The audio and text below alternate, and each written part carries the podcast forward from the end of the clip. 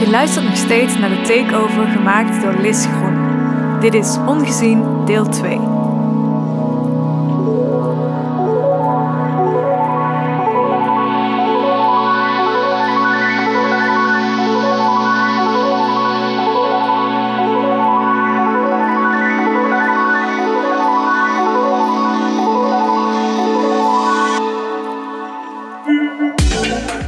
Traditionele individualistische filosofische theorieën stellen dat omdat impliciete bias onbewust is, het gezien kan worden als een automatisch reflex dat ontstaat door het leven in een bepaalde omgeving.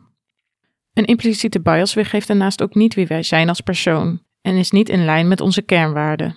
Zo kan bijvoorbeeld een feminist toch onbewust een voorkeur hebben voor een man in een leidinggevende positie. Omdat we geen controle hebben over deze impliciete bias, kunnen we hier volgens dominante theorieën ook niet verantwoordelijk voor zijn. Toch voelt het alsof we dan het probleem ontwijken, omdat structuren van onderdrukking op zowel individueel als op structureel niveau niet worden aangekaart. Om actief onderdrukking en ongelijkheid tegen te gaan, is het belangrijk om deze praktijken niet goed te praten, maar te erkennen.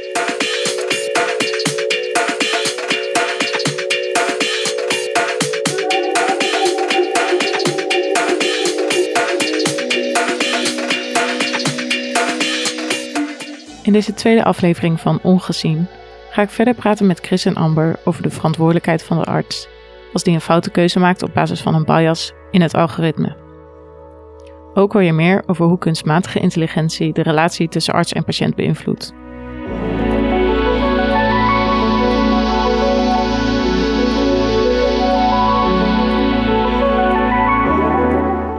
Mijn naam is Lis Groen. Je luistert naar Kluwe.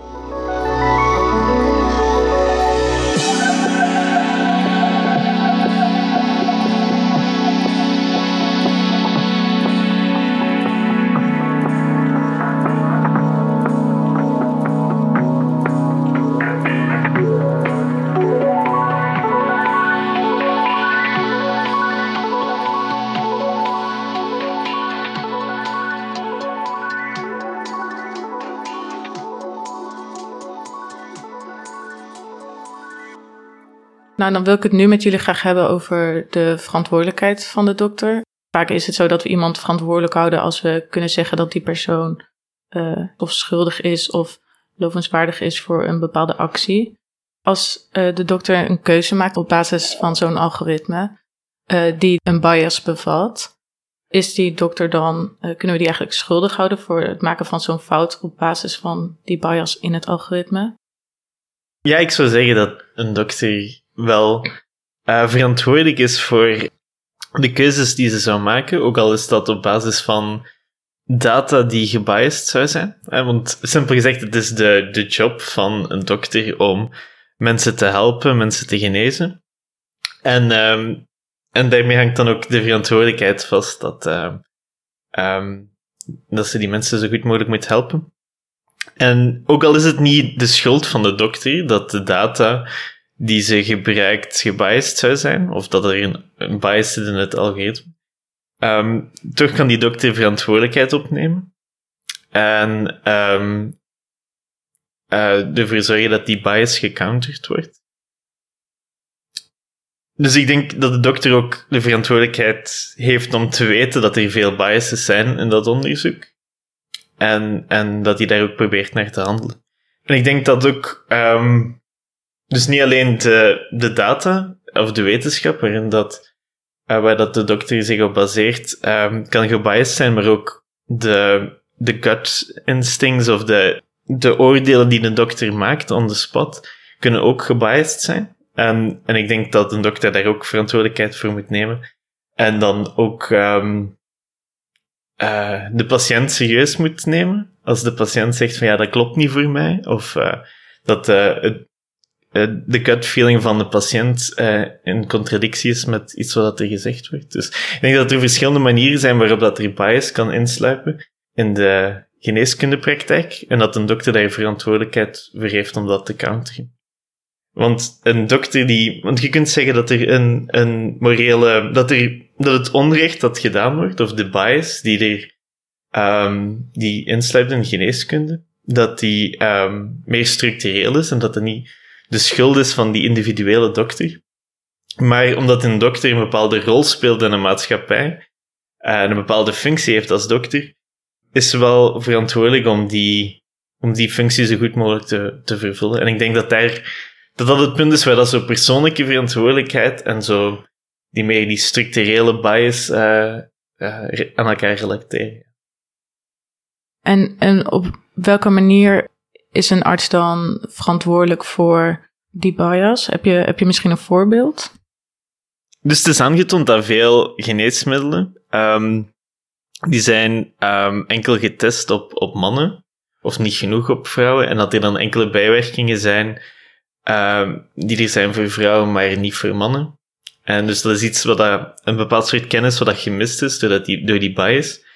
En een dokter moet dat weten, dat er zo die bias is, uh, tot op zekere hoogte. En zeker als een patiënt zegt van, kijk, ik heb al die bijwerkingen, dan kan de dokter bijvoorbeeld zeggen van, ah ja, dat is waarschijnlijk omdat er die bias is, en moeten we iets andere medicatie voorschrijven. Ik denk, het, het foutste zou zijn als de dokter dan zo uh, vast zou um, blijven zitten en haar denkbeelden van, ja nee, dat is getest. Uh, dat kan niet dat je bijwerkingen hebt dat hij dan de ervaring van de patiënt ontkent. Terwijl dat hij eigenlijk, wat, wat dat ze kan doen is, is um, erkennen dat er een bias is in het, in het onderzoek en flexibel zijn als, er, als een patiënt dat tegenspreekt. Dus alert zijn op, op die patiënt die aangeeft als vrouwelijke patiënt van, maar ik heb heel veel last van bijwerkingen. Om dan te weten van, maar er is veel bias in onderzoek. En om dan dus te weten van, misschien moet de dosis voor deze vrouw lager. En niet uitgaan van dat algoritme dat zegt, maar dit is de dosis. En waarschijnlijk komt dat omdat dat algoritme dat voornamelijk uh, model staat voor witte mannen. Ja, ja, precies. Amber, hoe denk jij over die verantwoordelijkheid van de arts? Ja, ik ben akkoord met Chris. Uh, er is zeker een grote verantwoordelijkheid van de arts of al het zorgpersoneel, maar ook zeker afhankelijk van hun positie. Um, wordt die verantwoordelijkheid verzwaard. Um, allee, het is ook niet de verantwoordelijkheid van de verpleegster om, om bepaalde keuzes te maken, maar de arts zou daarvan op de hoogte moeten zijn dat deze verschillende biases bestaan en zou moeten proberen stappen ondernemen om die uit de, uit weg te gaan. Anderzijds ook ja, de programmeurs van zo'n algoritmes zij hebben ook een grote verantwoordelijkheid om uh, ja, die kennis op te doen. En ik denk dat er al wel veel in die richting gewerkt wordt. Bij die ja, vragen mij rond automatisering en artificiële intelligentie liggen, denk ik, de verantwoordelijkheden veel meer verspreid. En ik denk ook als samenleving, ja, moeten we ook wel een rol spelen in de vraag van hoe willen we verder in de toekomst? Is dit wel wenselijk? Dus nog meer verspreid in die zin. Willen we wel algoritmes gebruiken? Ja, en waar wel en waar niet. Bijvoorbeeld in, in, in de rechtspraak zijn er al bepaalde landen mee aan het um, spelen om dat meer in te burgeren, maar daar kunnen we wel serieuze vragen bij stellen of dat dat dan wel objectief of objectiever is dan een echte mens die, uh, die beslissingen maakt. Ja, ons algoritme is dus helemaal niet zo objectief als we misschien in eerste instantie denken. Nee, ik denk, denk dat dat voor veel mensen zo lijkt. Maar als je dan echt bekijkt van, ja, wat zijn de gevolgen van sommige van die beslissingen, die dan, ja, die je kunt analyseren, omdat het allemaal digitaal is, zijn allemaal cijfers. Um, ja, en dat die biases dan echt duidelijk worden, dan ja, is dat denk ik niet altijd zo wenselijk. Nee, en als we als collectief moeten we ons dus afvragen, willen we dat wel? Is er ook een collectieve verantwoordelijkheid om dan die, die impliciete bias in die algoritmes tegen te gaan? Ja, ik denk het wel. Ik, uh, ik denk, ja, bij, bij sommige toepassingen kan je als persoon kiezen niet deel te nemen of u, uh, de, ja, elke persoon geeft, denk ik, elke dag data vrij. En ik denk de manier waarop dat je je data beschermt of niet beschermt, of ja, wat je allemaal op het internet opzoekt of zo, dat wordt allemaal wel verkocht en gebruikt voor verschillende toepassingen. Dat je die ook wel op een bepaalde manier kan beïnvloeden. Dus we hebben um, nou ja, de arts die in een zekere zin ook een voorbeeldfunctie heeft en ook daarom individueel verantwoordelijk is om het goede te doen en um, dus voor iedereen uh, goede zorg te bieden en dus ook alert te zijn op biases uh, in algoritme. En dan hebben we de maatschappij waarin die biases dus heel erg aanwezig zijn. Ja, Chris, heb jij nog iets? Denk je dat, dat omdat die arts die voorbeeldfunctie heeft, dat voornamelijk de arts verantwoordelijk is? Of zou je ook zeggen, we moeten op een bepaalde manier in de maatschappij daar ook iets aan doen? En op welke manier dan? Ja, hoe dat um, zaken zoals, zoals onrecht en, en politieke verantwoordelijkheid wordt, wordt vaak gekeken naar, um, naar structuren in de maatschappij. Dus, dus, dus die stereotypes en um, vooroordelen die leven in de maatschappij, die, zijn, die moeten we vooral zo structureel zien. Dus dat is iets wat dat een hele maatschappij met zich meedraagt.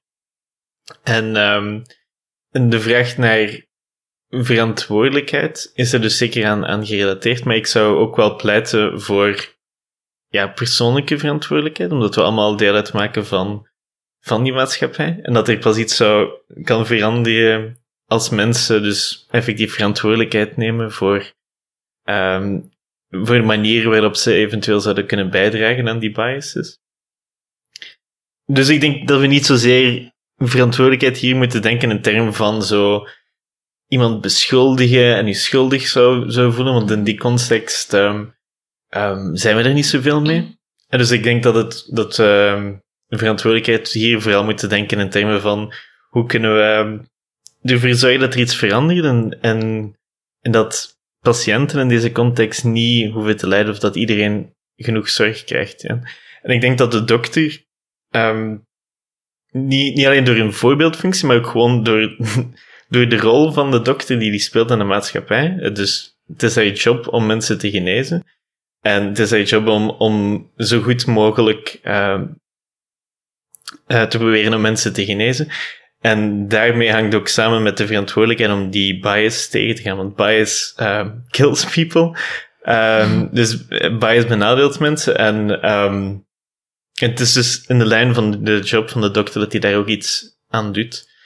Uh, en dus niet alleen de dokter is daarvoor verantwoordelijk, maar ook zo hè, mensen die die algoritmes creëren, of wetenschappers, of uh, farmaceutische bedrijven die gebruik maken van, van die algoritmes.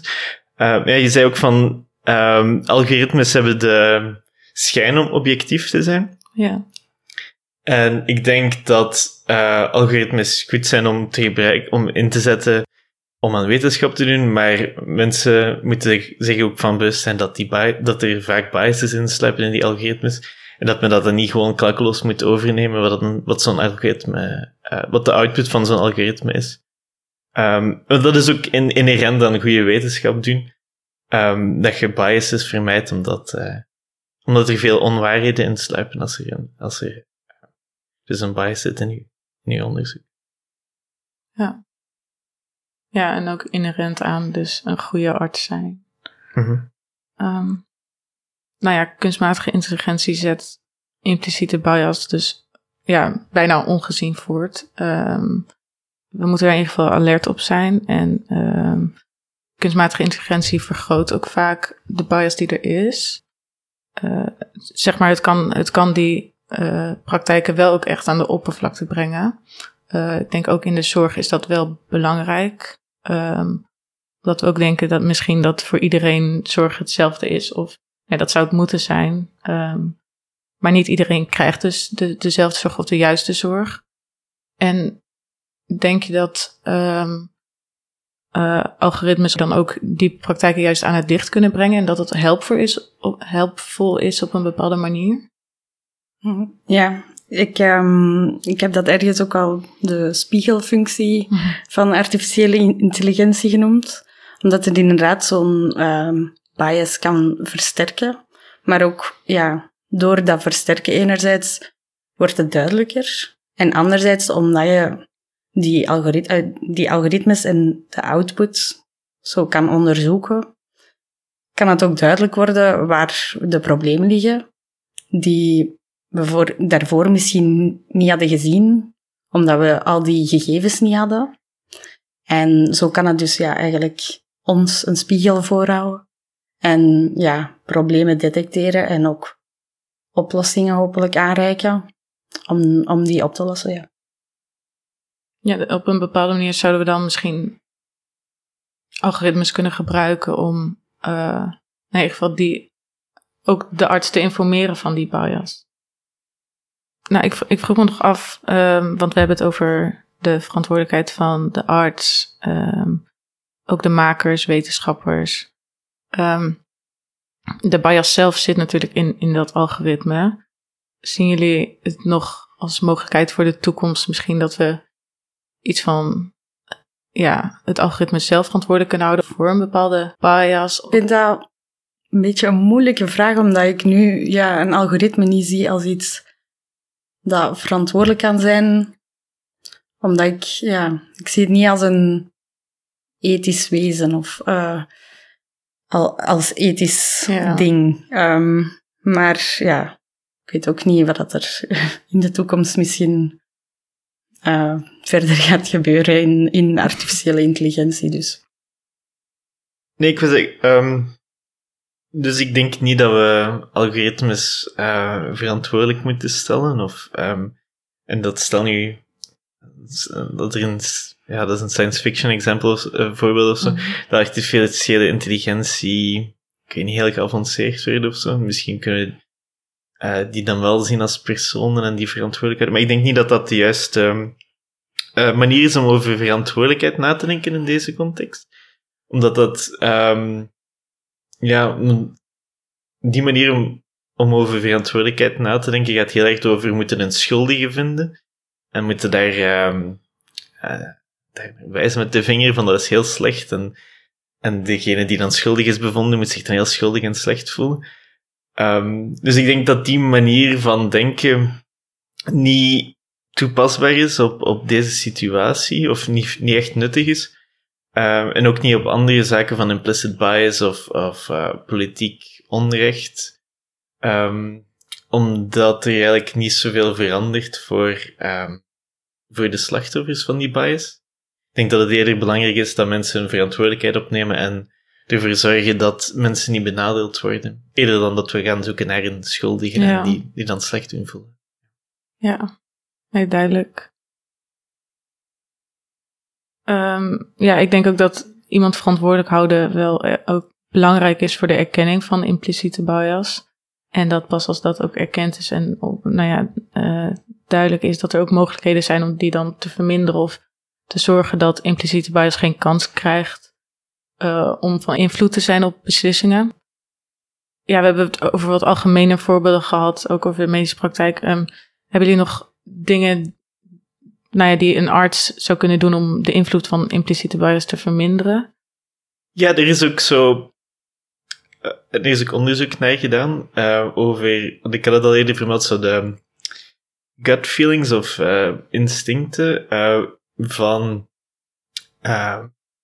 van dokters en patiënten kunnen, kunnen verschillend zijn. Dus het is ook, het is ook een gevaar dat, dat dus een dokter um, gebiased is in, haar oordeel.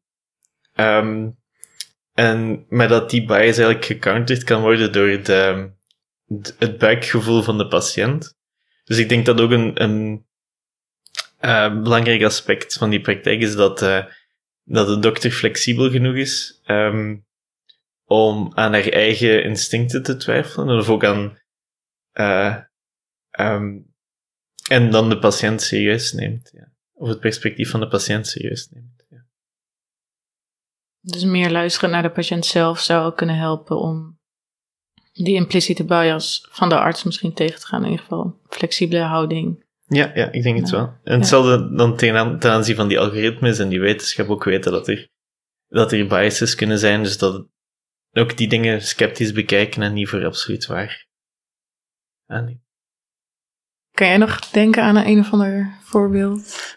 Ja, er, er zijn een aantal soms wat grappige ingrepen dat ehm, zijn voorgesteld in, eh, in onderzoek dat je kan doen.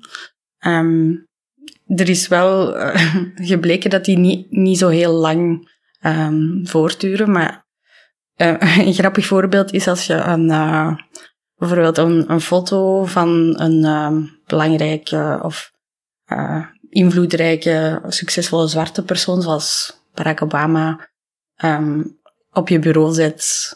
Dat je dan ook je, je attitudes naar zwarte mensen ook positiever beïnvloed worden. Of gewoon meer in aanraking komen met verschillende mensen van verschillende sociale groepen. Dat is een beetje logisch. Um, maar ik denk vooral, zoals Chris zegt, uh, dat er informatie moet opgezocht worden, zodat je daarvan van bewust kunt zijn. En het feit dat je daar dat je bewust bent van dat je eventueel een bias hebt, kan denk ik al uh, een grote stap in de goede richting zijn.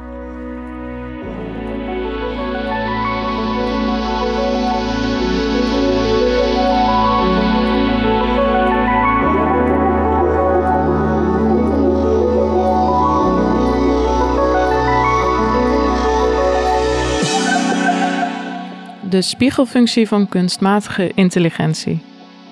Aan de ene kant kan kunstmatige intelligentie impliciete bias onbewust uitvergroten en verspreiden. Maar aan de andere kant kan kunstmatige intelligentie deze impliciete bias juist ook aan de oppervlakte brengen. Moeten we algoritmes dan gebruiken om impliciete bias in de zorg op te sporen? Het voelt wel vreemd dat we impliciete bias pas als probleem gaan zien als een algoritme dat als zodanig erkent. Is de ervaring van de patiënt zelf dan niet genoeg?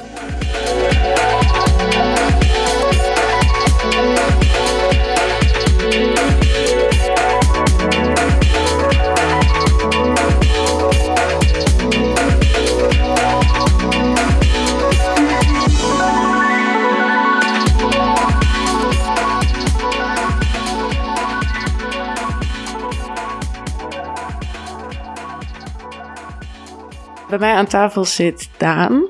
Jij bent ook filosoofonderzoeker.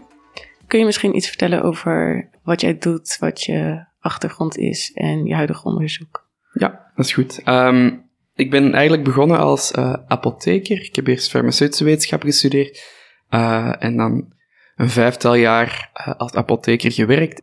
en, en in die vijf jaar ben ik filosofie gaan studeren aan de Universiteit van Antwerpen en tegen het einde van die filosofieopleiding ben ik dan in een uh, doctoraatsproject gestart, uh, gestapt. En wat ik doe is onderzoek binnen de filosofie van de geneeskunde, dus dat domein een beetje. En meer bepaald ga ik me bezig met precisiegeneeskunde. Dat is een nieuwe, heel datagedreven vorm van geneeskunde waar uh, artificiële intelligentie een cruciale plaats krijgt. En ik stel vragen over de aard van medische kennis in datagedreven geneeskunde. Kun je misschien iets meer uitleggen over wat precisiegeneeskunde inhoudt? Dus precisiegeneeskunde um, begint eigenlijk vanuit het idee dat um, heel veel zaken een invloed hebben op je gezondheid. Dus dat het niet alleen gaat over uh, wat er zich binnen u afspeelt, uh, maar dat ook de omgeving een cruciale rol heeft, dat uw levensstijl een cruciale rol heeft. En dat al die zaken eigenlijk op een complexe manier um, uw gezondheid gaan beïnvloeden. Um, waar dat we nu ons voornamelijk bezighouden met te kijken wat er in je lichaam gebeurt, worden daar dus ook gegevens verzameld over uh, de omgeving, um, maar ook over populaties en zo. En die worden op een, allemaal, ja, op een heel complexe manier worden die bij elkaar gebracht om zo'n meer holistische, althans dat is hoe ze het noemen, een holistische kijk uh, op de gezondheid te krijgen. Uh, en om al die gegevens bij elkaar te brengen, heb je complexe systemen nodig, complexe computersystemen, en dat is waar artificiële intelligentie dan een plaats krijgt binnen de geneeskunde, onder andere. Oké. Okay. Um, en ik heb begrepen dat je in je onderzoek ook veel kijkt naar het standpunt van de patiënt. Um, kun je uitleggen waarom die getuigenissen van de patiënt zo belangrijk zijn? Ook binnen jouw onderzoek met de precisiegeneeskunde. Ja, um, dus in mijn onderzoek laat ik mij inspireren door de feministische theorie, die um, veelal vertrekt vanuit groepen die eigenlijk weinig aan bod komen binnen bepaalde praktijken. En in de geneeskunde zouden we dan kunnen zeggen dat de patiënten uh, zo'n groep zijn. Um, dus hoe, hoe geneeskunde nu gevoerd wordt en hoe het in precisiegeneeskunde ook nog een beetje het geval lijkt te zijn, is dat we heel weinig kijken naar de kennis uh, van, die de patiënt zelf heeft. Uh, dus we hebben het voornamelijk over de medische wetenschap en, en de dokter en hoe dat die, die wetenschap eigenlijk gaat toepassen op de patiënt. Maar daar krijgt de patiënt zelf weinig plaats in. Um, en dat heeft op een bepaalde manier ook te maken met hoe we denken over ziekte. Dus als we over ziekte nadenken, denken we daar heel snel over in, in puur biologische termen. Als je bijvoorbeeld over diabetes of zo denkt, dan denk je aan uh, een probleem in de pancreas. Um, die produceert geen insuline meer en dat zorgt dan voor diabetes. Maar ziekte is natuurlijk veel meer dan alleen maar een biologisch probleem. Um, ziekte is ook je ziek voelen, bijvoorbeeld. Um, is ook je leven een andere inrichting moeten geven. Um, en het gaat veel verder dan enkel naar dat biologische perspectief.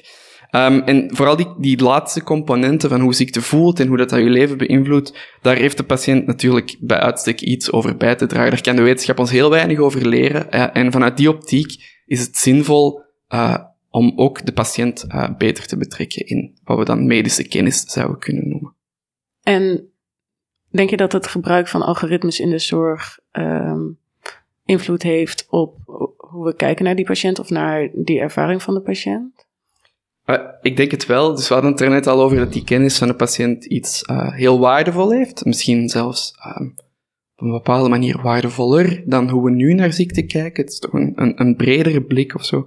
Um, en die kennis over hoe ziekte voelt of, of hoe dat, dat je leven beïnvloedt, dat is natuurlijk iets waar die algoritmen helemaal geen toegang toe hebben. Dus algoritmen zijn niet in staat om, om daar um, ja, doorleefde data van te verzamelen. Um, ja, dus stel dat we die, die zouden willen gaan integreren, als we kijken hoe dat, dat vandaag gebeurt, zien we toch dat de patiënt heel vaak het onderspit moet delven voor die meer objectieve of meetbare uh, of technologisch gemedieerde componenten van geneeskunde.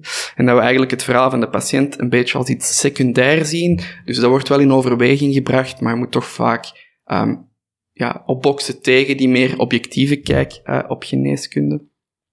En als we dan algoritme daarbij gaan betrekken, die uh, technologie die toegang heeft tot heel veel kennis en op een veel snellere manier kan betrekken, uh, ook gegevens kan meenemen die we traditioneel niet zouden meenemen in de geneeskunde. Um, ja, als we al die kennis dan gaan integreren, kunnen we ons voorstellen dat een beetje in lijn met wat er vandaag al gebeurt, dat vandaag de patiënt al weinig ruimte krijgt in het klinisch gesprek, dat dat nog veel minder het geval gaat zijn.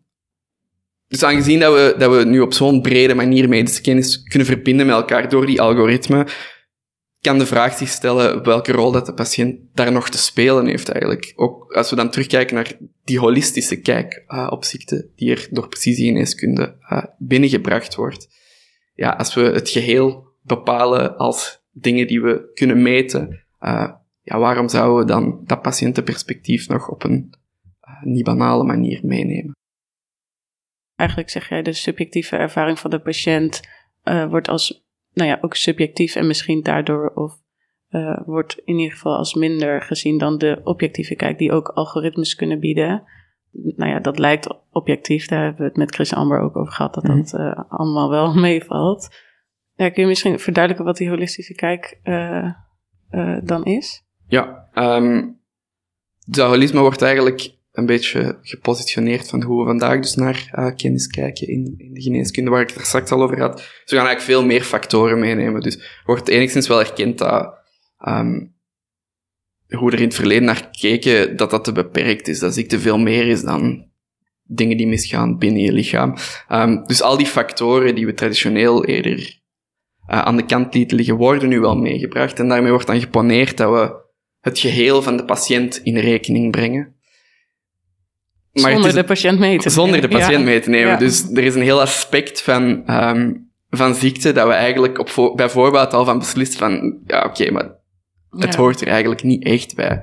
Um, dus in die zin is het een holisme, maar dan wel, het geheel wordt wel bepaald door de medische wetenschap. Dus we proberen het geheel te benaderen door middel van algoritmes en allemaal berekeningen en uh, nemen daarin de ervaring van de patiënt steeds minder mee. Ja, ja, die lijkt steeds overbodiger te worden, ja. omdat we het nu toch kunnen meten. Ja. ja, dus algoritmes die veranderen uh, nou ja, iets ook aan de status misschien van de patiënt. Kan het gebruik van kunstmatige intelligentie ook invloed hebben op de status van de arts? Ik denk het wel. Um, en dat is een onderwerp dat, dat heel veel besproken wordt nu ook um, binnen de filosofie van de geneeskunde. Dus wat die algoritmen eigenlijk doen, is iets wat de arts ook doet natuurlijk. Hè. Dus de arts probeert heel veel um, gegevens te verzamelen en, en kennis uh, die, die er is, uh, bijvoorbeeld in de medische literatuur, probeert die samen te brengen en toe te passen op de patiënt. Nu, algoritmen gaan dat veel sneller en veel beter en uh, op een veel complexere manier kunnen. Dus in die zin zou je kunnen zeggen dat um, er een soort van plicht ontstaat bij artsen om dat te gaan volgen. En eigenlijk hebben we dat vandaag ook al. Dus als, als een arts niet meteen weet wat er met jou aan de hand is, dan gaat hij natuurlijk kijken naar, naar de wetenschappelijke studies. Uh, en gaat die proberen um, mee te brengen om, om jouw casus eigenlijk te benaderen. Maar als dus een algoritmisch systeem datzelfde zou kunnen doen, op een veel snellere en veel grondigere en veel complexere manier, is het niet heel onlogisch um, dat die algoritmes daarin ook gevolgd moeten worden. En je hebt dan um, wel wat optimisten, uh, optimistische artsen of, of, onderzoekers binnen algoritmes in de geneeskunde zeggen van, oké, maar dat wordt dan, dat gaat artsen toelaten om, om meer tijd aan de patiënt te spenderen. Want al dat opzoekwerk dat nu moet gebeuren en um, dat veel tijd vraagt, en er is al zo weinig tijd in de zorg, dat kan nu gewoon gebeuren door complexe algoritmes. En er is dan meer tijd één op één om met de patiënt te praten en die kennis van die algoritmes te integreren uh, in het gesprek met de patiënt.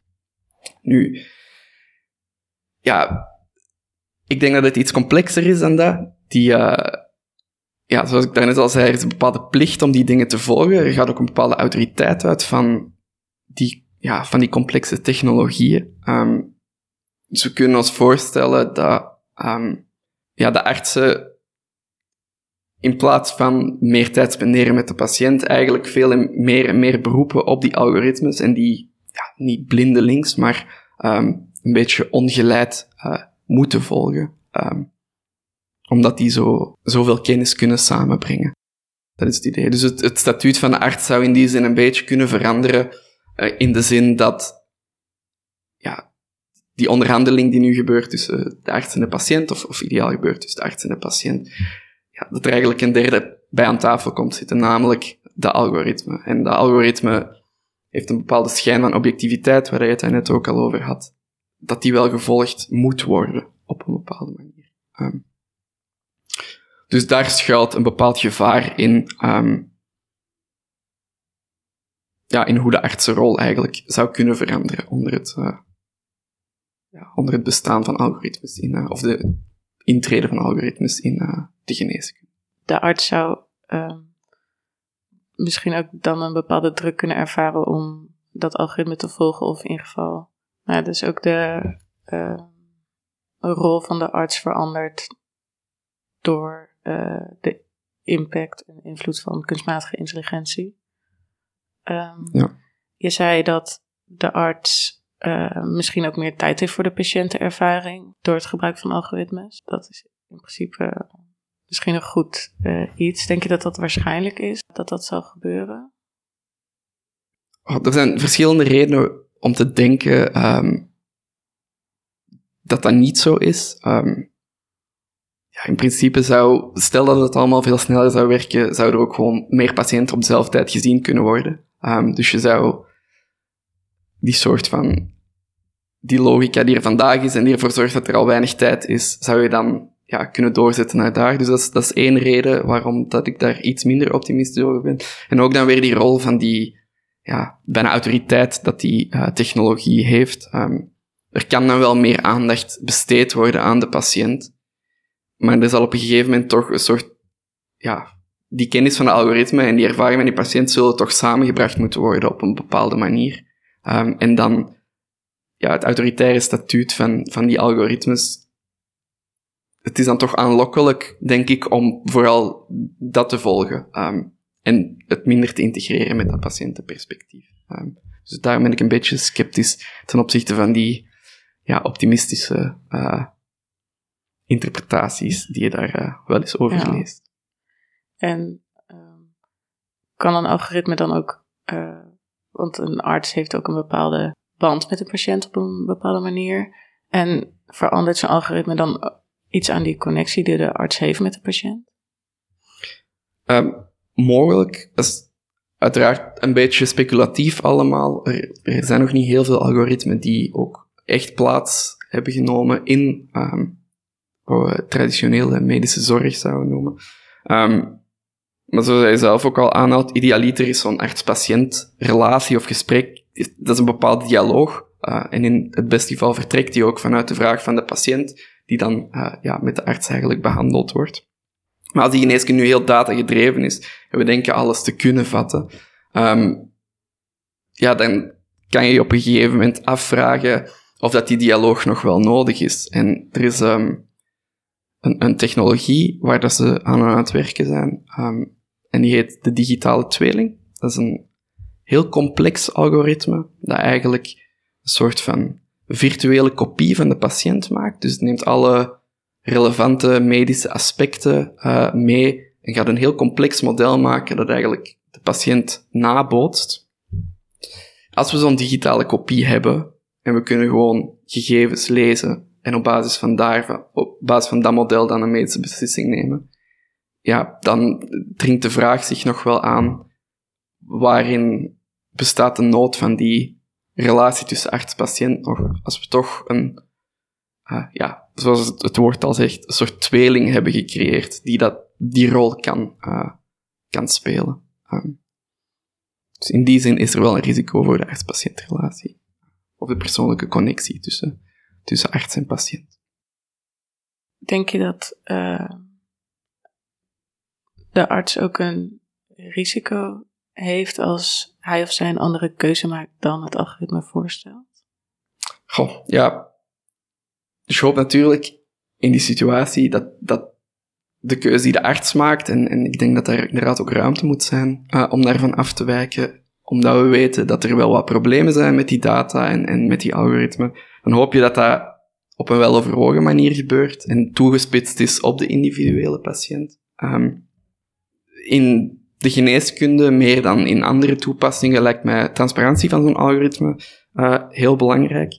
Ehm, want dan moet dan de arts in staat stellen om ja, het voorstel te overwegen met de patiënt en, en alles mee te nemen. Maar moet ook de, de patiënt ehm, in staat stellen om het voorstel ja, te vergelijken met, met andere aspecten die dat de patiënt belangrijk vindt. Maar daarvoor is het dus wel belangrijk dat we weten waar die bepaalde beslissing vandaan komt. Ehm, en ook bijvoorbeeld in het geval van eh, biased algoritmes ehm, is het belangrijk dat de, de arts weet waarom zo'n algoritme een bepaalde beslissing ehm, ja, bijna letterlijk uitspuwt, eh, denk ik. En zich dan ook bewust is van de beperkingen van zo'n algoritme. En daar dus tegen in kan gaan. Een typisch voorbeeld zou endometriose kunnen zijn. Dat is een, een aandoening eh, van de baarmoeder die veel voorkomt bij vrouwen, maar heel vaak niet gezien wordt, eh, omdat er heel weinig kennis van is. Ehm, en wat er dus in de praktijk gebeurt, is dat, dat patiënten ehm, ja, daar vaak heel lang mee rondlopen voordat er een behandeling gevonden kan worden. Dus het, is, het zou ook niet vreemd zijn als, als zo'n algoritme niet snel op, op, het, op de diagnose endometriose kan komen. Maar als we dan weten hoe dat algoritme ergens toekomt en artsen zijn zich bewust van de beperkingen in die data en in die algoritmes, dan zou die eventueel ehm, bijvoorbeeld extra onderzoeken kunnen doen ehm, om iets als endometriose uit te sluiten. Ehm, dus er zijn risico's verbonden bij het niet volgen, eh, absoluut, als het niet wel overwogen gebeurt. Maar opdat die beslissingen wel overwogen kunnen gebeuren, moeten we ook wel nadenken over hoe die algoritmes in de geneeskunde eruit moeten zien. En ik denk dat in geneeskunde, meer dan in andere toepassingen, transparantie en, en ehm, ja, de mogelijkheid om, om uit te leggen waar die beslissing vandaan komt, eh, cruciaal zijn. Denk je dat artsen nog wel een beslissing durven te maken als zij heel vaak een algoritme gebruiken, om dan uh, misschien een andere keuze te maken dan het algoritme aangeeft? Um,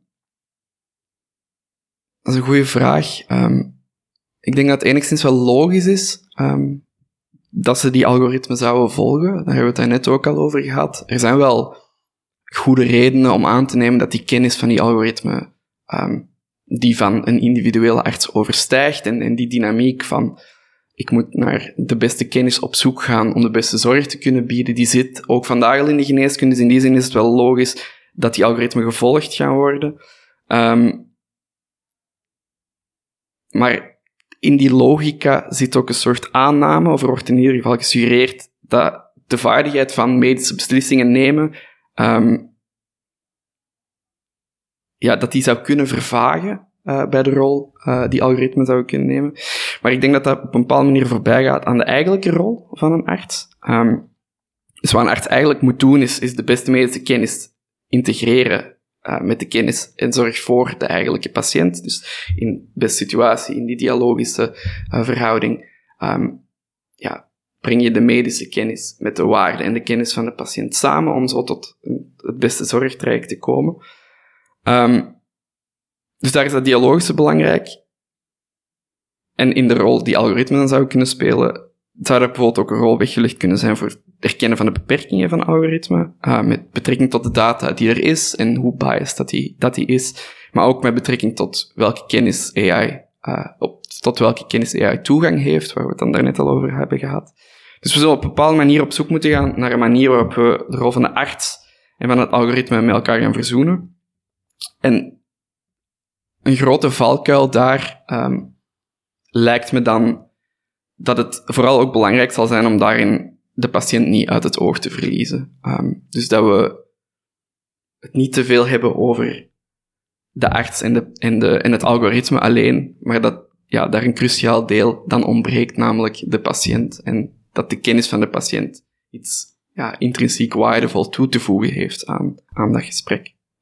En dat we kunnen erkennen dat die patiënt ja, cruciale informatie naar de praktijk brengt en dat algoritme ja, niet in staat zijn om die informatie te bekomen en te verwerken. En dat we zo de rol van de patiënt blijven erkennen.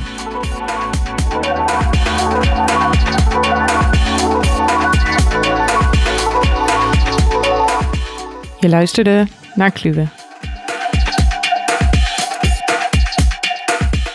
Bedankt aan Chris Goffin, Amber de Kok en Daan Kenes. En bedankt aan Kilian Gilles voor de muziek. Wat vond je van deze aflevering? Laat het ons weten via de socials. De volgende keer zijn Lotte en Marta er weer. Tot dan!